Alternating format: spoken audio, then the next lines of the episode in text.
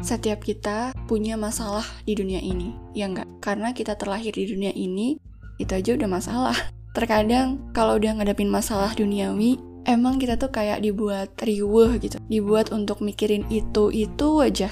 Padahal Allah itu udah ngejamin urusan dunia kita kadang sampai kita tuh dibuat terlalu berlebihan dalam mikir. Sampai banyak banget waktu yang kita habiskan cuma buat mikir dibuat overthinking gitu. Bahkan sampai nyerang mental kalau itu terus-terusan jadi pikiran. Dan setan itu seneng banget bertengger di pikiran kita.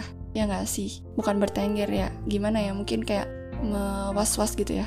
Membisik-bisikkan gitu. Oke okay sih, uh, sebagai manusia ya wajar aja sih kalau kita tuh emang bener-bener kepikiran karena kita ya makhluk berakal.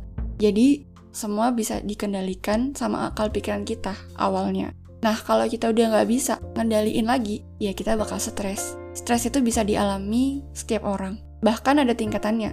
Mungkin yang awalnya overthinking, terus jadi stres, terus lama-lama depresi. Akhirnya apa? Bisa gila deh. Kalau dilihat-lihat penyakit mental itu awalnya dari mana sih?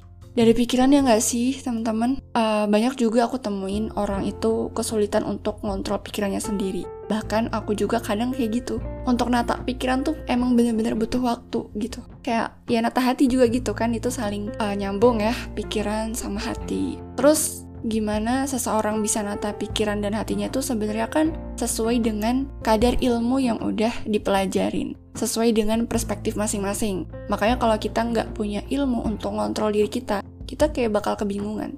Nah makanya kita harus banyakin belajar agama deh karena itu jadi bekal kita untuk ngadepin permasalahan duniawi ya nggak? Coba kalau kita nggak belajar agama bakalan gimana ketika kita bener-bener ngadepin masalah yang bikin stres dan udah di jalan buntu banget. Kebanyakan orang-orang yang tidak beragama itu mengalami keputusasaan tuh di situ. Udah masalahnya nimpa berat, bertumpuk, ditambah stres, depresi, ngerasa hidupnya tuh kayak nggak guna lagi. Ujung-ujungnya kalau nggak gila, ya bunuh diri. Wal iyazubillah. Kalau kita belajar agama, ngaji, mendalami Islam, insya Allah kita akan ngelihat semua permasalahan duniawi kita tuh dengan perspektif Islam. Kembali lagi sama perspektifnya Al-Quran. Ya karena Islam itu adalah solusi dari setiap permasalahan.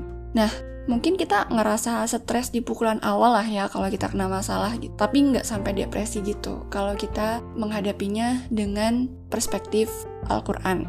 Kalau ada masalah ya kita ingat Allah, terus kita sholat, baca Al-Quran, dan sebenarnya itu malah jadi nikmat Ya nggak sih? Kita bisa untuk menata pikiran, untuk mengesampingkan urusan duniawi itu, balik lagi ke Allah. Bahkan yang bikin pikiran dan hati kita bisa tertata lagi tuh ya Allah. Mungkin emang sesetres itu kita ngadepin permasalahan. Tapi kalau kita serahin ke Allah, insya Allah stres kita itu bisa tertolong.